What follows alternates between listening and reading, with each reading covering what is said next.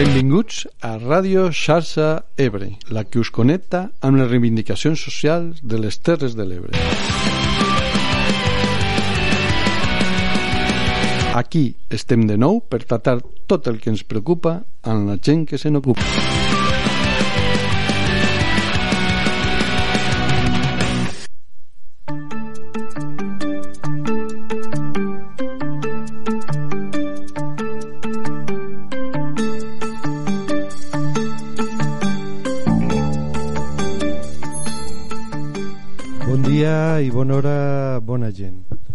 Avui, eh, justetet en aquesta mateixa hora, en aquest mateix moment, està començant una concentració en el pont del Passador, el pont que hi ha entre Sant Jaume d'Enveja i del Tebre, un pont significatiu del, de l'Ebre al nostre territori. Està venint una concentració que reivindica que després de tres anys d'haver passat el Glòria, encara no hi ha solucions, bones solucions per al tema del Delta. Eh, al programa 116, eh, avui estem al 118, o sigui, fa dues setmanes, Susana Abella, la portaveu de la Plataforma en Defensa de l'Ebre, i Jordi Parés, de l'Associació Sendiments, ens van explicar tota la problemàtica en torn al Delta. Podeu escoltar allí bastant àmpliament. Però ara us volem posar justetet els dos minuts en què ens parlen de la convocatòria d'avui. Demanar a tothom que ens estigui escoltant que el proper 12 de febrer vingui al pont del Passador, un pont molt que té un, una importància vital al Delta perquè unís una banda de, de riu en l'altra i, i que vinguen eh, en ganes de passar-s'ho bé, en ganes de, de reivindicar, en ganes de defensar el lloc, en aquell territori on estem, este delta que tots estimem, i, i, i fer la, la contribució aquesta de, de participació. Per tant, la meva crida és a vindre a manifestar-se i a vindre a disfrutar i a, i a portar tot el que tinguen en ells mateixos aquell dia, el dia, 20, el dia 12 a les 12 del migdia al pont del Passador. Bueno, sortirem una miqueta per la, de la zona de les escoles del, de Sant Jaume i... Jo només dir que, que anem molt tard eh, que anem molt tard, que la regressió del delta no és eh, els moviments normals, perquè els deltes, els deltes són dinàmics, ja tenen aquests moviments, ara no, està retrocedint i anem molt tard que cal, cal un esforç i cal eh, que d'una vegada se posen a, a la taula les solucions que poden ser o que poden aportar definitivament la, la salvaguarda del, del delta. Eh, jo que convido és, a part de la manifestació, que ja ho ha fet molt bé la Susana, que també, que la gent vinga, evidentment, però sobretot allò que dèiem abans, a aquests jovens, a tota aquesta gent que pot escoltar, a participar a, venir a, venir a les entitats a, a no associacions, sediments o PD, a qualsevol de les entitats socials que estan treballant que d'una manera o altra estem defensant este territori que és el nostre. Eh, cal aquesta participació i cal eh, que la gent vinga i sàpiga que la crisi ja ha arribat que molts poden quedar sense delta Bé, la crisi ja ha arribat, diu Jordi, i convida a la participació, als joves especialment. Avui contentament una jove, en una jove comentarista, Amira Grigoriu, que ja coneixeu d'altres programes. I con, tenim també dos persones aquí a l'estudi per ajudar-nos a desenvolupar el problema de com està el territori a nivell natural, però abans volíem fer-nos ressò també d'un acte d'homenatge a Josep Caballol que s'ha fet a Roquetes. Josep Caballol va ser director de Radio 4 eh, va fer un documental precisament en gran part parlava del delta del delta de l'Ebre i del delta del Llobregat dels dos deltas la repercussió que tindria el canvi climàtic sobre ells. Un documental bastant impactant en gent que diu coses molt contundents us lo recomanem molt veure. També van fer un programa en ell de referència a tot això ho teniu, és el programa 97 Josep Caballol va ser també president d'una associació dita Solidaritat i Comunicació, en breu SICOM, que va fundar en 1995. Ell, quan va vindre a fer una xerrada aquí sobre el tema del canvi climàtic, ja estava molt malalt i poc temps després va morir. Ara se li ha fet un homenatge a Roquetes i escoltarem 4 minuts d'aquest homenatge. Parlen en primer lloc Cisco Sogués, activista després Josep Lluís Vila, periodista Joan Panisello portaveu també de la plataforma en defensa de l'Ebre Maria Muñoz del sindicat CGT de la branca de Sanitat i després la seva companya Eva Garcia i la seva filla que com deia és la que ara ha agafat la presidència de com Esther González escoltem-lo i després ho comentem breument.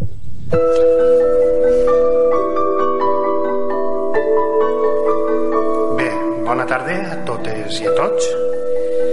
Voldria començar a agrair la vostra presència sobretot a la Eva i a l'Ester eh, filla i parella de Josep Caballol.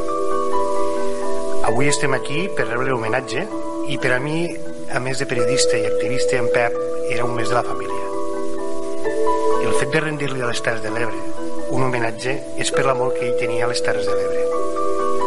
Aquí va projectar i gravar doc diferents documentals i vídeos. Però el que volem recordar avui és el Pep activista. Aquesta manera de fer va ser una constant durant tota la seva trajectòria, però es va actuar després de jubilar-se.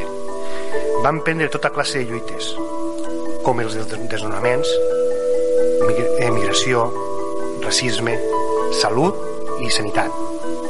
I la seva última etapa la va dedicar a la lluita climàtica. Recordo bé la seva frase, que per, per continuar avançant hem de, de créixer i no créixer. Pep va ser el meu mestre, un dels meus mestres, i el meu jefe durant alguns anys. Ja sé que es diu cap, però és que jo li dia jefe en uns temps en què molta gent volia, volíem aportar alguna cosa de valor per consolidar i avançar en una democràcia que s'estava construint.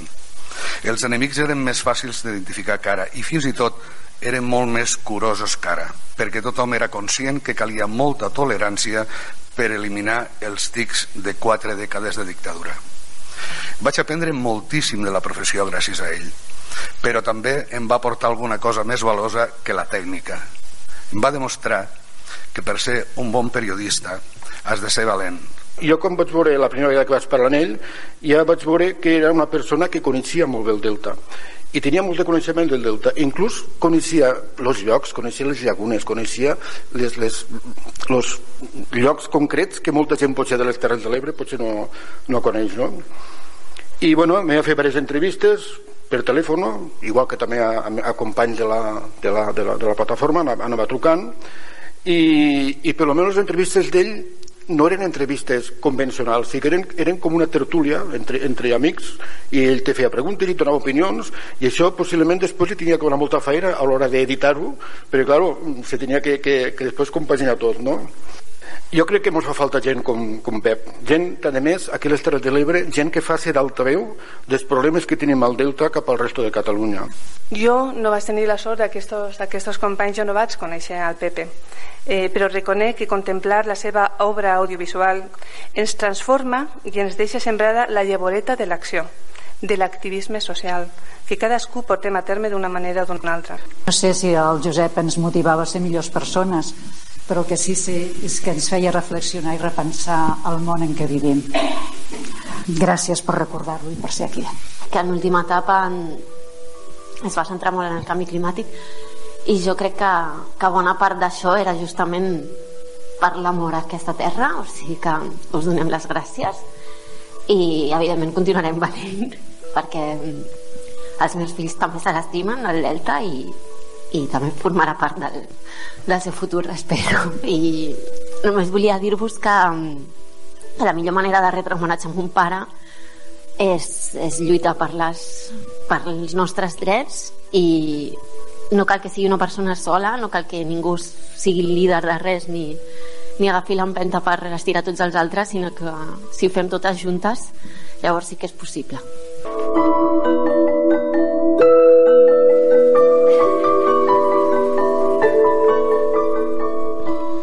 Les paraules emocionades de la seva filla eh, són entendibles qui ha conegut a Josep sabia que una persona entranyable i molt dedicada als temes ecològics dels que precisament parlarem avui. I parlarem amb els nostres convidats. Les persones convidades són en primer lloc eh, Vicky Carles de l'associació Graelsia benvinguda Vicky, gràcies per venir. Gràcies. i Manel Mas de Salvem l'Homosia que ja coneixeu d'altres programes. Benvingut Manel. Molt bon dia. Bé, comencem també, com he dit, està Mira, que ens ajudarà a fer les preguntes i els comentaris a banda dels que feu vosaltres pel xat. Comencem per tu, Vicky. Eh, què és Graelsia? Conta'ns. Graelsia, el nom no sé si us sona, és una papallona nocturna meravellosa que tenim al port, una espècie endèmica, verda, bonica, d'un pam d'amplada, l'adult. Eh, Graelsia s'alimenta de fulles del pi rojal, per tant és una espècie endèmica molt lligada als boscos mm, dels ports i, i quan vam néixer enguany farà 20 anys ja al 2003 vam néixer una mica a, a continuació del Parc Natural en la idea de, de fer recerca de saber més coses i sobretot de comunicar-les. Perquè de fet mos diem Graelsia grup d'estudis i comunicació ambiental. O sigui que una mica eh, la nostra filosofia o el nostre per què eh, és saber de, del món local saber de la proximitat del, del, de lo que tenim més prop i després comunicar-ho mm, nosaltres sempre diem que coneixes estimar i una mica en aquesta filosofia hem estat treballant aquests 20 anys eh, al món natural, claro, perquè és el que ens agrada. Feu publicacions o a, a través del web o feu en paper? Com, com ho feu? No, la en paper hi ha molt poc. Mm, de fet, vam fer, bueno, hem, hem potenciat la publicació de llibres uns, les llegendes dels ports fa, fa bastants anys, dos, dos números. Després més recentment en la lluita compartida en Salvem la Montsià precisament en la lluita per defensar les oliveres centenàries. Nosaltres no parlem de mil anys, parlem de vida de, parlem de cent anys i és prou. I, i han fet, mm, vam ajudar en l'Overcami que es va fer la, a Railades i també les veus de les oliveres. O sigui, publicacions mm, com a llibres ne fem però quan, quan surt l'oportunitat eh, després la web i sobretot els treballs de custòdia que fem, molt, eh, fem custòdia del territori. Des del 2006 ja estem en xarxa eh, en la xarxa de conservació de la natura i som entitat de custòdia del territori de voluntariat ambiental. O sigui que la recerca va evolucionar l'entitat en aquests temes més, més de, de treball directe en espais de custòdia que tenim en convenis de custòdia en particulars quan hi ha un projecte que val la pena eh, en quant a la defensa de la biodiversitat de, de, de mm, moltes coses defensa, a vegades tenim treballs en iniciatives d'emprenedoria eh, que són alhora respectuoses amb la biodiversitat i això és el que ens interessa i aquests tipus de, de, de projectes els donem recolzament i estem en ells. Mm, i fem com custòdia del territori que és una cosa que mm, no, és molt, no està molt coneguda però que és molt bonica eh, perquè és una filosofia molt directa de poder conèixer a la gent i poder mm, reconduir les coses a, de cara a la conservació de, de la nostra natura. D'això te volia preguntar, Vicky, perquè eh, n'hem parlat alguna vegada eh, del tema de la custòdia, però crec que per a molts dels que ens escolten mm, potser no estigui del tot clar en què consisteix la, la custòdia del territori o sigui, hi ha alguna normativa que empara això eh, eh, se refereix a, a massos, a terrenys a jo us explico la nostra experiència perquè és un concepte molt ampli és un concepte a nivell europeu no, mm, americà arreu del món està molt establert i, i nosaltres el coneixement que en tenim és el 2008 eh, vam conèixer la filosofia hi ha una xarxa eh, nosaltres som entitat de, de custòdia del territori formem part d'aquesta xarxa mm, i eh, d'alguna manera vam aprendre el que és fer custòdia no? eh, i mm, a través d'esta xarxa que mos assessora eh, mos informa de les possibilitats de projectes mm, arribem a, a acords. Què, què és? hi ha moltes formes de fer custòdia. La gent que té molts diners o una fundació o el que sigui pot comprar un terreno i fer-ne d'ell un, un exemple de conservació. Però estem parlant de, doncs, de bancs o de coses d'estes. Les entitats petites fem una custòdia que és arribar a un acord un acord signat, un conveni eh, legal que ens compromet a, un, a les dues parts a fer una sèrie de coses en aquell espai. Primer és saber quins valors naturals té, que, que es pot defensar. Perdona, perdona. Sí? Les dues parts són el propietari, Exacte. propietària Mm. del terreny i vosaltres. i la, la entitat de custòdia, de custòdia. que eh, aposta per aquest projecte mm. llavors en principi són particulars particulars eh, emprenedors que mos, o mos coneixen ells a nosaltres o nosaltres a ells, les sinergies van sorgint sense... però estem tots d'acord en fer una sèrie d'objectius en aquell espai perquè hi ha un, un marranc prop pel que sigui. Llavors mm, a partir d'aquí se signa, se redacta l'acord. I, i se signa. És un acord que dura una durada de 4 anys prorrogable i, i no hi ha cap cosa econòmica entremig perquè le- les possibilitats no són però tots treballem per a que allò funcione. Eh, fem ac- accions de voluntariat si surt alguna oportunitat de, de demanar una subvenció que pugui revertir en aquest projecte doncs, mm, des de l'entitat se fa. I, bueno, i a part de propietaris particulars, per entendre-nos, també hi ha eh, administracions que són gestores d'algun espai i últimament, per exemple, eh, bueno, últimament el 2018 vam signar un acord amb l'Ajuntament de la Mella de Mar per a, mm, sobre l'espai natural protegit de l'any del Cap de Santes Creus, que és tota una zona costanera, que ells la tenen eh, protegida en aquesta figura de protecció i nosaltres tenim un acord de custòdia signat amb l'Ajuntament per a eh, donar difusió als valors que hi ha allí, fer estudis, fer mm, tot el que sigui per a posar eh, en valor això. O sigui, bàsicament, si ho he entès bé, és a dir, el propietari mitjançant aquest acord es compromet a respectar certs valors ambientals, a fer determinades activitats o a deixar de fer Eh, certes exacte, activitats i a canvi eh, té el suport de l'associació Mm. en tot el que representa coneixement com al millor subvencions, contactes Clar, d'institucions nosaltres a través de les etcètera. xarxes podem dir pues, ara surt aquesta línia de subvenció que et pot anar bé o no o, o nosaltres personalment pues, eh, tenim petits projectes ajudes, apadrinament libera mm, mil i pico d'euros per a una cosa de mil per a una altra, petits projectes però quan estem posats en una, en, en una dinamització ara estem treballant molt al barranc de Santes Creus. El barranc de Santes Creus també hem fet custòdia fluvial amb l'ACA que és la, la gestora de l'espai fluvial i ara durant 4 anys estem treballant a la, a, al barranc de Santes Creus que és un espai eh, natural protegit que té uns valors meravellosos però com és tan petitó doncs no és conegut I normalment de qui és la iniciativa, Vicky? És iniciativa vostra? Vosaltres aneu a parlar amb el propietari o és d'alguna institució o del propi... Al llarg d'estos anys hi ha hagut de tot o sigui, des de gent que mos ha vingut a dir això de la custòdia m'agrada i a veure què podríem fer eh, a altres que, que, que, que ha sorgit no? Eh, recordo Aigua Natura per exemple ara ve el cap al barranc del Toscà quan va començar a anar a treballar allí doncs, bueno, vam, va anar a posar el nas i en seguida doncs, vam eh, d'alguna manera entendre en quant a, a lo que ella planejava fer allí i el que nosaltres pensàvem dels valors que tenia l'espai. A partir d'allí a sumar sinergies i anar treballant.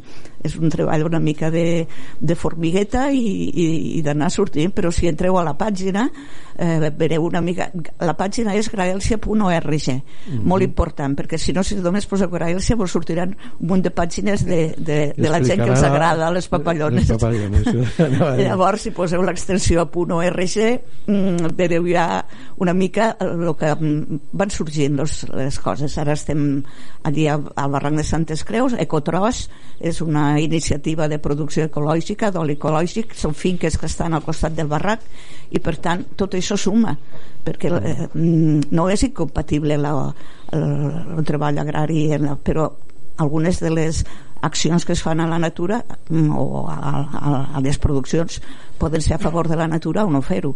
I això és el que nosaltres parlem. I la custòdia és això, parlar parlar directament amb les persones i entendre-nos i petar la xerrada en una cervesa damunt d'un marge és parlar, és el tracte directe i és l'acció directa al territori que és el que a nosaltres ens agrada fer Miqui, a la gent que, que ve per primera vegada d'una associació sempre fem algunes preguntes bàsiques perquè l'objectiu del programa és fer xarxa entre les entitats no? que se coneguin i hi ha alguna curiositat gent que està en una altra entitat per exemple per saber el que ara preguntaré com us organitzeu quan sou, d'on teniu el finançament? Aquestes preguntes bàsiques. Aquestes són les preguntes del millor. del millor, A veure, de fet, nosaltres som un grup que vam néixer amb dinamitzadors, diem, dels fundadors, podríem dir, eh, unes a, a l'inici 17 persones, després hi ha un nucli, un nucli dur que som els que parlem un equip directiu per entendre-nos.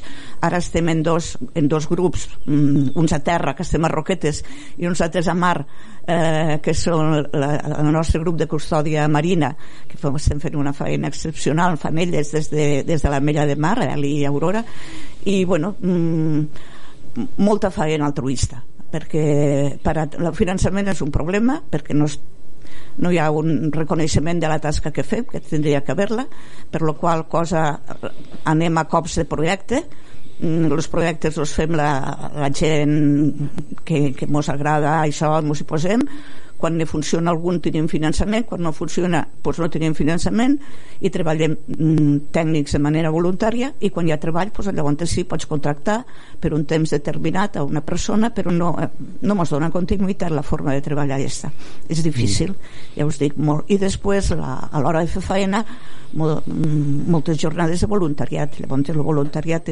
normalment contenen 20-30 persones mmm, que venen mm, no sempre les mateixes no és un voluntariat voluntariat allò de llista, per entendre-nos, sinó que són la gent, depèn del lloc on ho fem i de l'activitat que sigui, venen uns venen nosaltres, hi ha gent més, més assídua i gent que, que ve quan, quan pot o quan. Però bueno, és tot un, un treball de, ja us dic, molt divers. Ara per exemple a Ecotros i en aquest projecte que estem al barranc de Santes Creu fem molta recerca i molta formació fem el bioblith els bioblith són molt bonics és un dia de, de trobada a la natura, ja n'han fet dos. Bio què? Biobliss. Bio, bio, bio És una trobada uh-huh. és una trobada on nosaltres convoquem a, a experts, o sigui, un expert en, en ocells, un altre en, en, en plantes, no?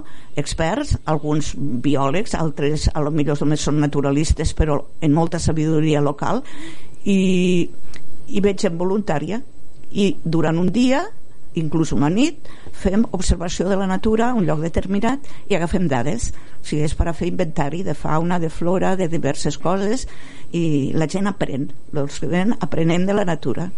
En este conèixer és estimar pues, bueno, aprendre, aprendre, aprendre i després eh, quan se passeja per la, un, un custodi és aquell que en fa ús del territori o sigui, un custodi és aquell, eh, aquell senyor que va en bici o aquell paisès que passa tots els dies per la mateixa vora se n'adona primer que ningú de que ha fet la glòria de que, que se n'adona de que hi ha un abocament que no estava i aquesta xarxa de comunicació això és una mica des de la base fer custòdia. Després clar t'has d'organitzar i si no no ets eficient no?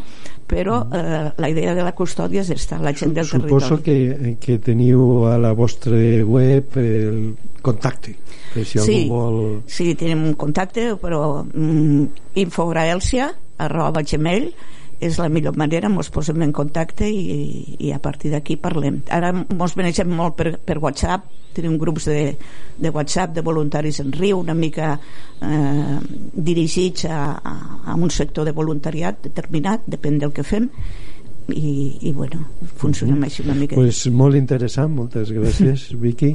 Manel, què ens voleu explicar els de Salvem el Montsià? Bon dia, Vicent. Bon dia. Per a mi és un honor immens coincidir amb, amb l'amiga Vicky i en Joaquín, tot i, que, tot i que no participi de la tertúlia, està aquí. Eh, bueno, que, hi ha, ja hi ha alguns problemes candents no? sí, que volies sí, a veure, hi ha, hi ha dos, dos temes que són els que voldria parlar un tema és a nivell local Eh, al novembre del 2015 l'Ajuntament d'Ulldecona va aprovar per majoria absoluta que no es faria servir més el glifosat que és un herbicida cancerigen que està prohibit a la major part de països d'Europa.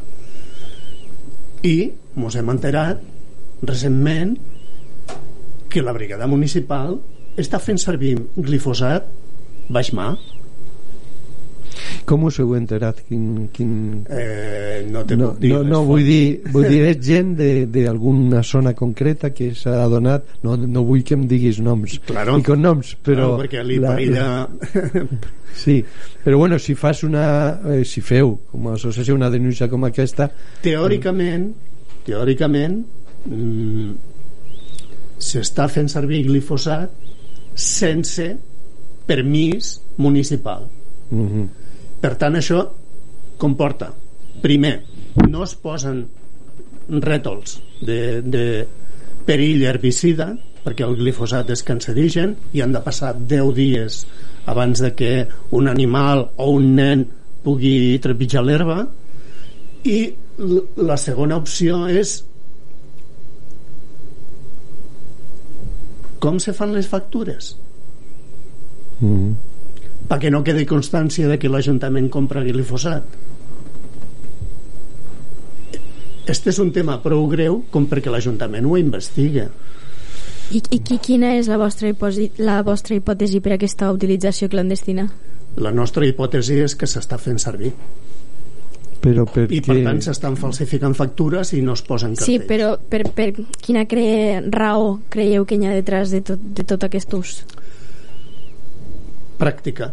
Eh, la brigada municipal el que busca és l'eficiència.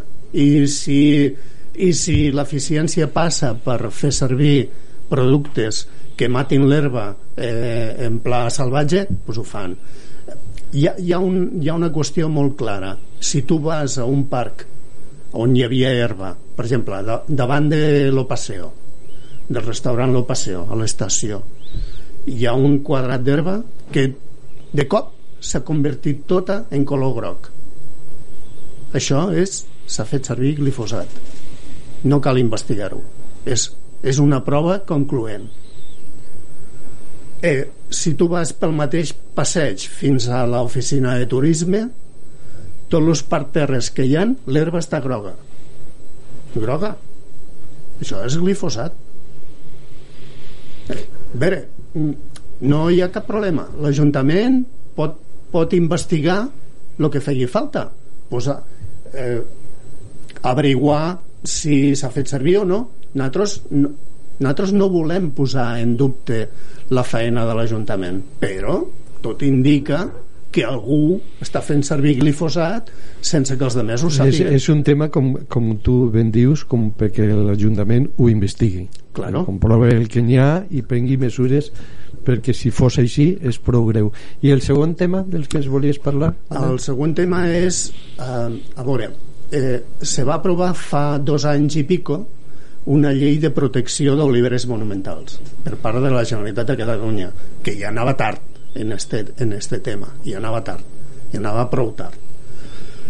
En esta llei hi havia un apartat on es deia que els vivers que tinguessin oliveres monumentals comprades d'abans de l'aprovació de la llei havien de notificar-ho a la Generalitat que tenien tant, tant X exemplars. Val. Eh, després de dos anys la Generalitat després de dos anys d'aprovar-se la llei la Generalitat tenia el dret de compra prioritari d'estos exemplars coincidència dos anys i un mes després la Generalitat compra 48 oliveres monumentals a dos vivers del territori per més de 600.000 euros. Una olivera en concret que el viver la taxa en 1.200 anys s'ha pagat 36.000 euros.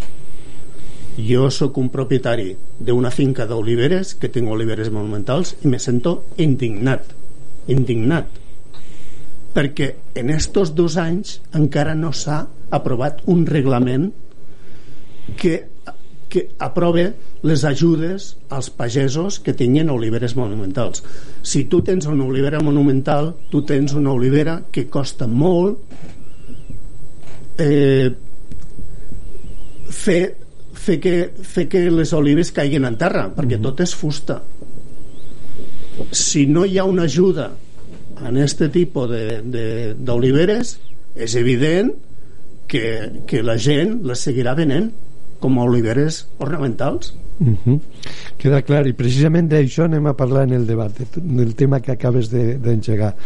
De, eh, ara que ja coneixeu millor a les persones que participaran al debat, eh, Amira, tu has fet, ja has fet una pregunta a Manel, vols fer alguna pregunta més abans no, de que passem a eh, seria la curiós part? o parlar-ho ara o després al debat eh, quina és la proposta o de quina manera voleu introduir alguna solució per obtenir les ajudes als pagesos o als és que vivers? quasi, eh, si és esta la pregunta Sí. quasi millor la Al segona debat, part perquè el és, debat. és justet el que acabes de dir és el centre de la pregunta que us farem al debat aleshores, eh, els que ens seguiu per Instagram Live a partir d'aquest moment desconnectem i es podeu eh, continuar escoltant per directe.salsaebre.net i per les emissores que es retransmeten que molts ja coneixeu el, el, la capçalera de salsaebre.net apareixen tots els seus horaris.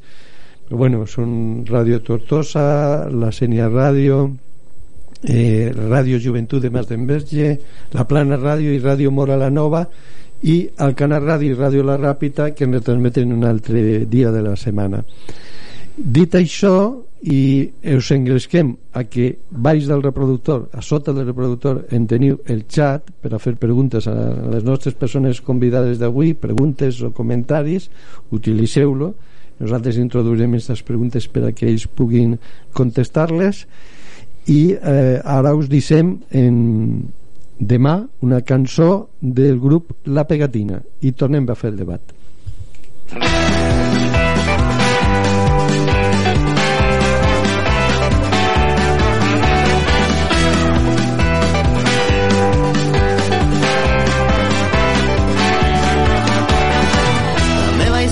l'escriuré en un full en blanc d'aquell que mai no es va acabant. No dubtaré si hi ha algun canvi de guió o per donar un cop de timó. No he volgut anar de pressa, però he trobat una drecera.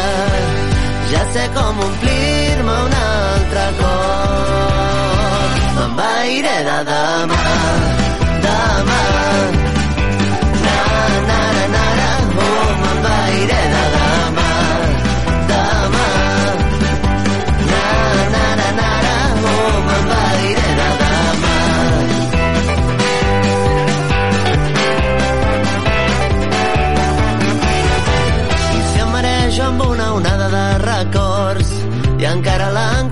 M'aferra si per la borda van fugint les il·lusions i alguna fada que desperta no he volgut anar de pressa però he trobat una drecera. Ja sé com omplir-me un altre cop m'envairé de demà demà. Na na na na na oh m'envairé de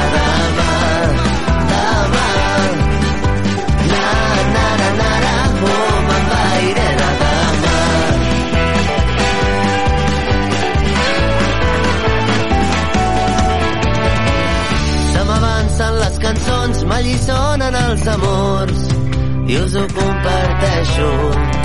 Les paraules que me'n passo es repeteixen com els sons. Aquí és on us ho deixo.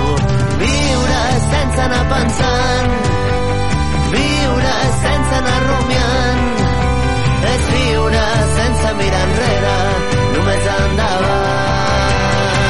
M'envairé de demà.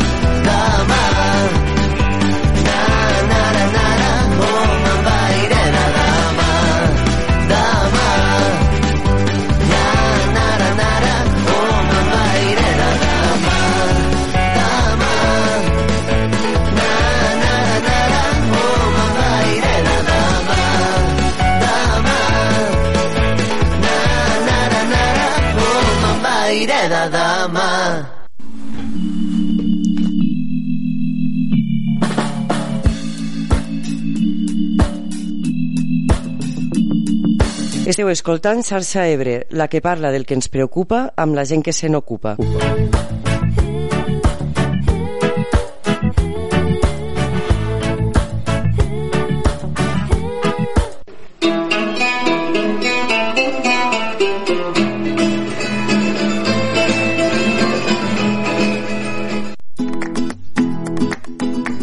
Cinc temporades fent xarxa Ebre i encara no ens coneixem? Dissabte 4 de març volem escoltar als que ens escolteu. Farem una calçotada a l'Ermita de la Pietat. Podeu apuntar-vos al WhatsApp del número 621 303 413 o al correu xarxaebre arroba gmail.com indicant quan sereu.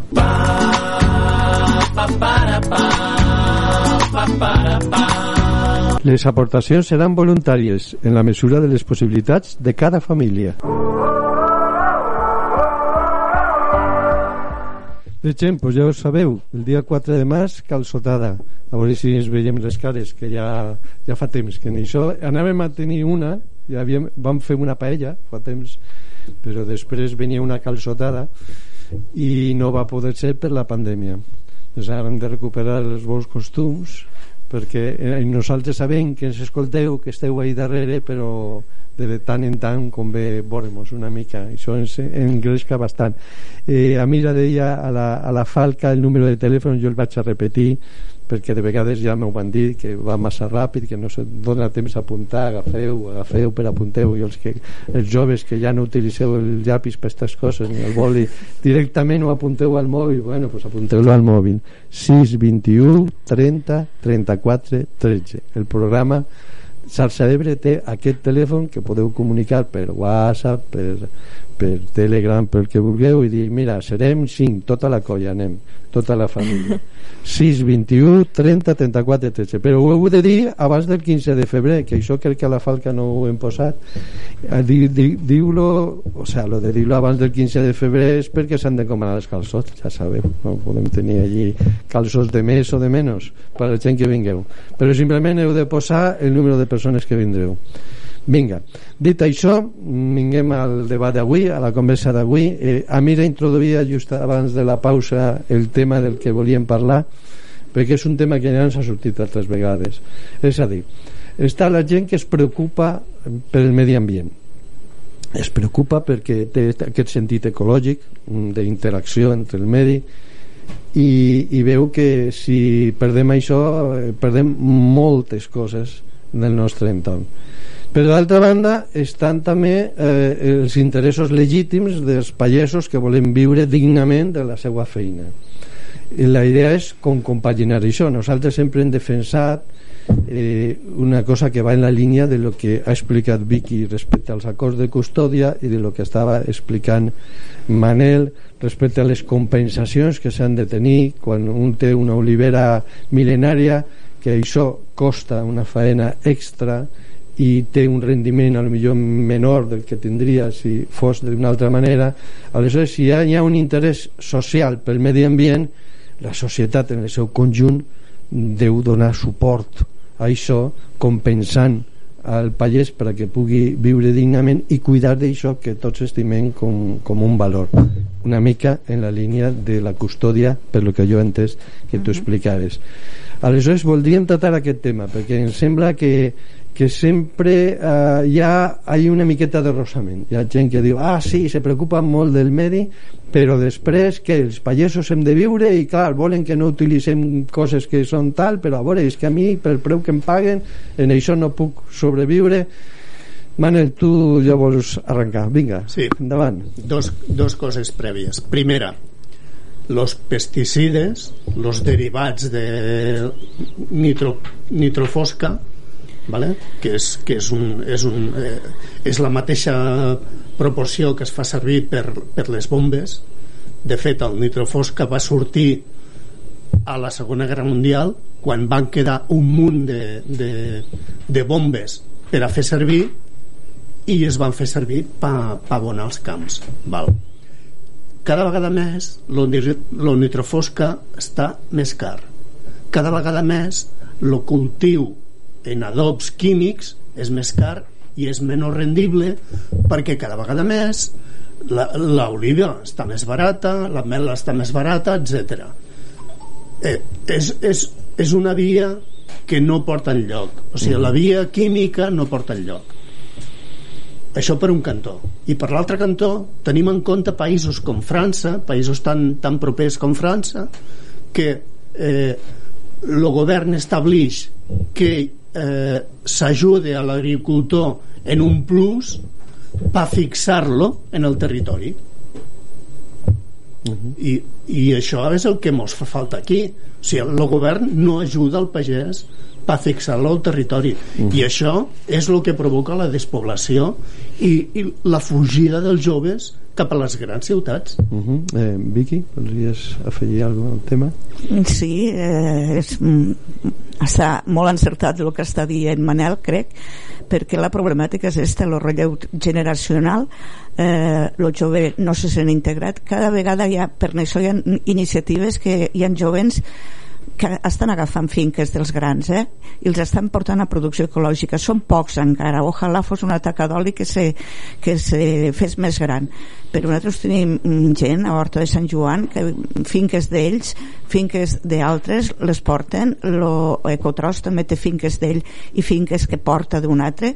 I totes en, en la filosofia de conservació de la biodiversitat i de no utilitzar cap producte químic i totes de tornar a, a, a la producció si no eh, ecològica 100% que és difícil eh, mm, com a mínim tradicional. Les muntanyes han de tornar a tindre vida han de tornar a tindre vida han de poder anar a buscar mm, frígoles i, i a veure papallones i a veure saltamartins i a veure ruelles com estaven abans com vivien en les oliveres. Per al·lusions, Amira, parlem de joves. Com Jo, jo crec que des del punt de vista jove m'agradaria introduir un concepte que ho veig bastant interessant, crec que influeix molt eh, l'aspecte en la consideració de l'estatus social. Perquè des de, des de la meva posició com a persona jove que viu a un poble on el treball de pagès és, està molt ben considerat i és forma part de la base que fonamenta el concepte de poble. Jo crec que l'estatus social de pagès per als joves és considerat molt inferior i per això hi ha tanta fugida a, a les ciutats perquè tenen com eh, la necessitat de poder marcar, d'aconseguir algo en la seva vida un estatus i no, no el veuen suficientment equilibrat o que coincideix que en, en, en aquest tipus de treball el qual no considero correcte però és la manera de com ho veig. Hi ha una part de l'estatus que també entenc que és la supervivència eh? és el diner, és el poder viure. De la terra, és molt difícil viure només de la terra, és pràcticament impossible. Llavors com a cosa complementària, si un té una faena i aquí estem que els jovens al nostre territori no trobeu faena eh, la nostra gent se va estudiar fora i ja no torna. I els que esteu aquí vos ho teniu que currar molt. Este és un gran problema. Eh, per això això de fixar la gent al territori si l'administració, no sé com aquí em perdo, però si l'administració sapigués eh, fomentar este eh, arrelament a la terra que comentava abans Manel els joves ho tindríeu per Can Arbon Clar. i quan hi hagi, eh, quan el jove tasta eh, la vida al camp de veritat tradicional com la feien els pares i damunt aquesta, aquest oli eh, li valoren a lo millor el ven a França eh? jo tinc amics coneguts en, en, explotacions de custòdia que, que l'oli el venen a França directament en unes etiquetes boniques i ja està perquè, mm, i el venen supercar i per tant no es dona retorn però clar, són iniciatives que costa molt costa molt i, i tindrien que haver ajud, ajudes de l'administració per a evitar que este, un territori com el nostre eh, siguis que es patint i que els jovents se me'n vagin i que no hi hagi retorn això algú ha de posar algú hauria de posar hauria de posar remei Manel? Sí, do- un, un parell de consideracions. Primera, eh, les cooperatives poden fer molt. Un exemple és la cooperativa de Godall, que està fent olis varietals i que els està venent no només a l'estat espanyol sinó que els està venent a tot arreu del món. La segona eh, a part de custòdia del territori hi ha iniciatives com per exemple Apadrina una olivera que també està fent una família de Godall i hi ha altres iniciatives com per exemple la cooperativa Terram de la Sènia Estan convidats a vindre al programa. eh, me n'alegro me n'alegro De fet, venen el proper diumenge. Ja t'has avançat. Veus? Perfecte. Perfecte. Eh, és un exemple del que es pot fer. Eh, un exemple més. O sigui, no, no, no, no es tracta només d'una iniciativa personal sinó que també es tracta d'una iniciativa col·lectiva tenim un territori que val la pena conservar no volem que es morgue no volem que desaparegui eh, la crisi climàtica ens està afectant a tots. El conreu de l'olivera és un, és un fre a, a, a la desertificació i és, és, és algo que hem, de, que hem de mantenir. No, no és una cosa que podem no mos podem permetre deixar-ho perdre Arran d'això, jo penso que les característiques socioambientals, sobretot de, del, terror, del territori eh, com el nostre, jo crec que estan perdent molt de valor i que estan molt poc considerades. Sí que es poden trobar a diverses persones que vulguen participar i contribuir en la seva eh, en el seu manteniment però no ja no és un tema tan abundant i crec que eh, està patint molta carència d'importància. Mm -hmm. si, si em deixeu, perquè hi ha preguntes al xat, eh, no sé si algú vol comentar el que acaba de dir a Mira breument i passem a les preguntes. Crec que Vicky queria, volia dir alguna cosa. Volies dir alguna de lo que acaba de dir? No, és, mm, me fa gràcia, és, fal, mos faltaria això, aquesta connexió, este poder a, explicar als jovents moltes coses, perquè el nostre territori encara hi ha esta, este pont entre el que es feia abans i el que es fa ara. Tot això ho hem conservat. El que passa que potser ens falta aquesta via de comunicació per a que el jove eh, ho pugui viure i, i... Sí, sí, estic totalment d'acord en això. Bé, la primera pregunta del xat en realitat l'hem contestat ja, perquè diu les oliveres s'han de protegir i ajudar els pagesos que les cultiven de manera tradicional, és el del que venim parlant, Després eh, n'hi ha una que diu també si el pagès pogués viure de la seva feina hi hauria més gent jove que s'hi dedicaria quines mesures es caldrien és justetet de lo que anem parlant. Però potser eh, ens demanen que concretem una mica. Tu parlaves de França jo sé que per exemple a França feien, no sé si encara continuen fent-lo però feien una ajuda a l'agricultura de muntanya que diuen per exemple. En el raonament si la persona que està treballant eh, a la muntanya ho té més difícil per sobreviure, però a nosaltres ens interessa que es mantingui allí perquè si no es desertissa també lo de baix uh -huh. aleshores anem a ajudar en el, en el diferencial de lo que cobraria per la mateixa feina si estigués en un altre terreny anem a pagar este diferencial per a que es quedi perquè això ens convé a tots Ese raonament se podia aplicar a les oliveres mil·lenàries per exemple i a moltes altres coses Manel? Sí, a veure, eh, tenim, tenim ara mateix una política agrària comú, la PAC, la famosa PAC, que, que no és justa perquè està pagant... La política agrària comú de la Unió Europea. Sí, uh -huh. està pagant el mateix als agricultors de l'olivera d'Andalusia, que tenen grans extensions i oliveres eh, en conreu intensiu, està pagant el mateix que els agricultors que tenim oliveres eh, monumentals en molta llenya aquí a les Terres de l'Ebre. Mm -hmm. eh, no és just no és just. Jo, jo sé de pagesos de, de Roquetes i, i, i parlo a Vicky perquè és un amic comú que li restaven ajuda agrària per tenir parets de pedra en sec. Mm -hmm o sigui, s'haurien de modificar moltes coses perquè, perquè funcioni i una mentalitat del que fa la norma que tingui en compte certes coses que sembla que no. És posar en valor és posar en valor la, el paisatge el territori que tenim aquí però posar en el, el paisatge de, de treball vull dir, el paisatge el que és l'olivera aquestes planes d'olivera, aquests marges d'olivera això eh, té un valor incalculable i des del punt de vista eh, ambiental també. Les soques de les oliveres, els marges de pedra en sec tot això és un, un, un lloc de biodiversitat enorme. Nosaltres els projectes sempre ho posem això com a, com a un punt a favor.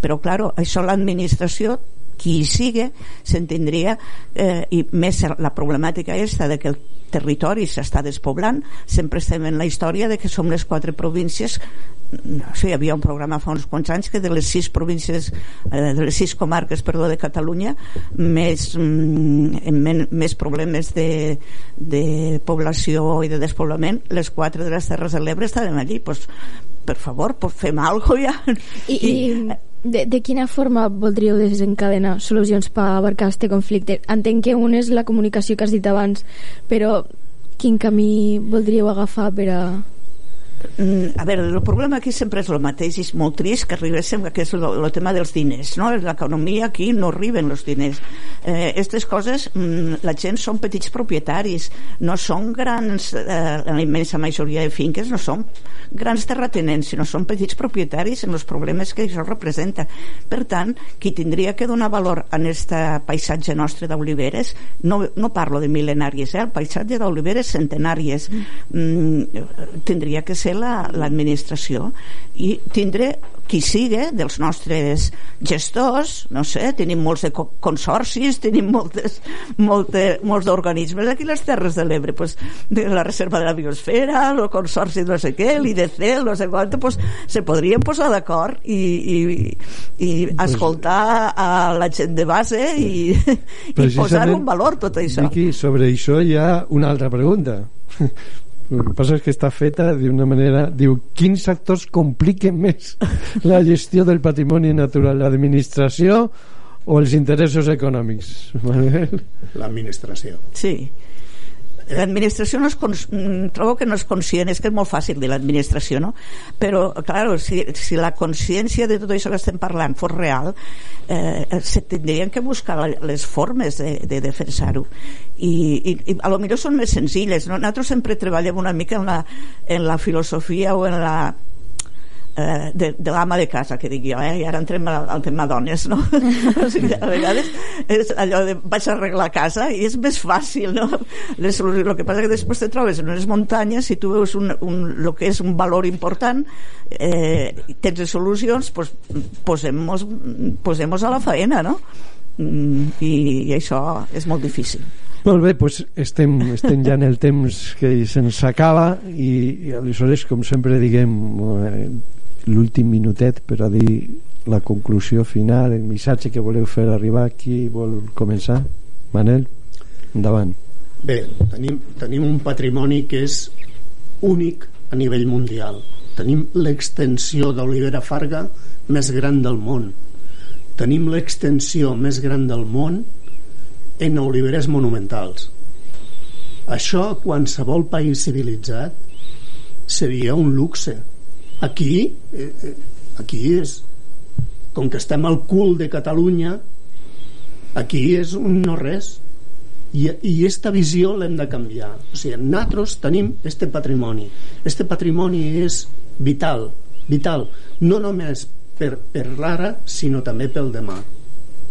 Vicky? Sí, com, absolutament d'acord. I, i lluitar tots junts, crear sinergies i, i, bueno, i comptar amb la gent, la gent i aquest programa s'adreça a la gent l'experiència de les veus de les oliveres la gent, la gent que, que té aquesta relació íntima en els arbres que n'hi ha molta eh, en aquest llibre nosaltres ho vam copsar això, moltíssima gent l'experiència en un arbre, especialment en l'olivera mm, bueno, pues, treballem junts per a que el futur sigui possible que els jovens se queden i que aprenguen a estimar les oliveres i a quedar-se aquí posar això en valor. Què diu la nostra jove? Jo, pues, paregut, eh, voldria fer un cop d'atenció envers a buscar solucions pràctiques per a conscienciar-nos realment del valor del nostre territori, que ja que, com ha dit Manel, és únic a escala mundial. Uh -huh. Hem d'aprendre a valorar el que tenim, uh -huh. que moltes vegades, com ja estem, el tenim molt vist, no sabem el que significaria si es pergués i hi ha molts perills sí, sí, sí. en aquest sentit bé, eh, ara us deixem en Seba Pallaretti la seva cançó Tarde o Temprano i després tornem per acomiadar el programa als nostres convidats i a explicar-vos de què anirà el proper sé que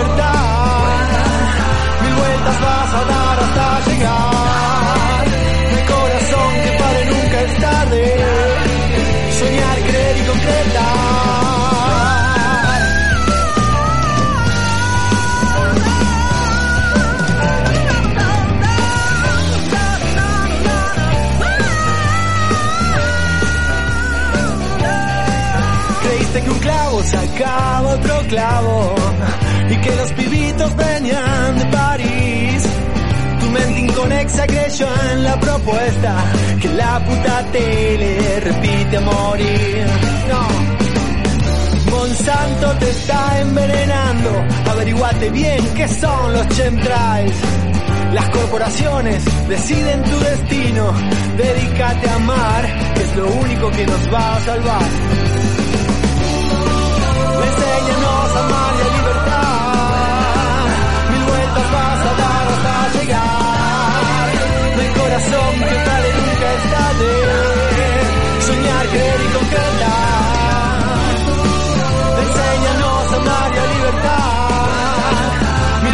Vas a dar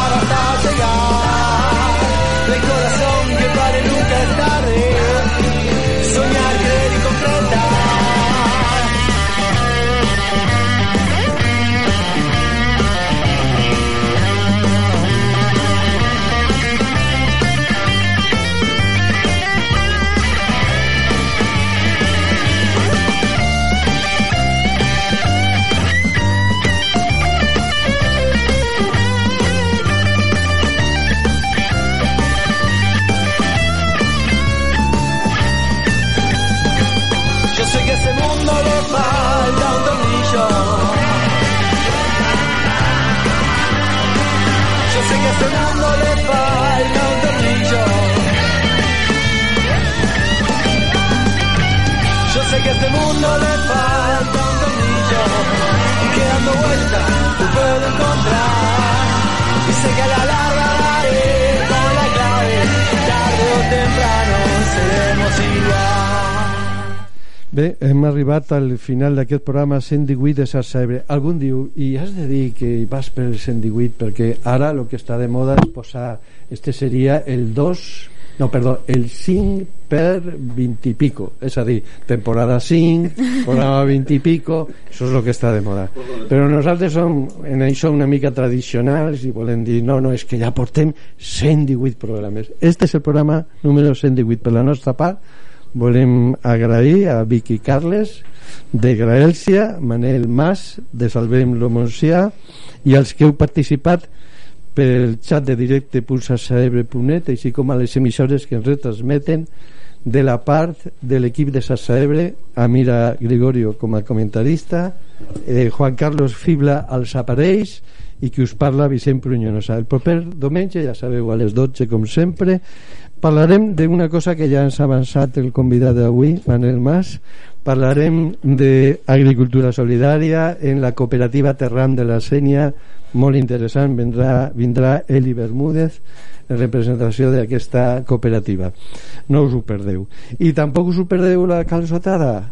6, 21, 30, 34 13 per apuntar-vos. Us esperem tant al programa com a la calçotada. Salut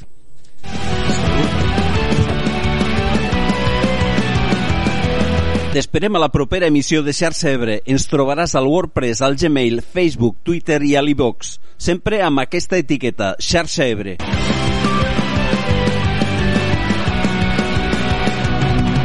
No oblides subscriure't, sabràs les dates i els convidats dels propers programes. Fins aviat, seguim fent xarxa.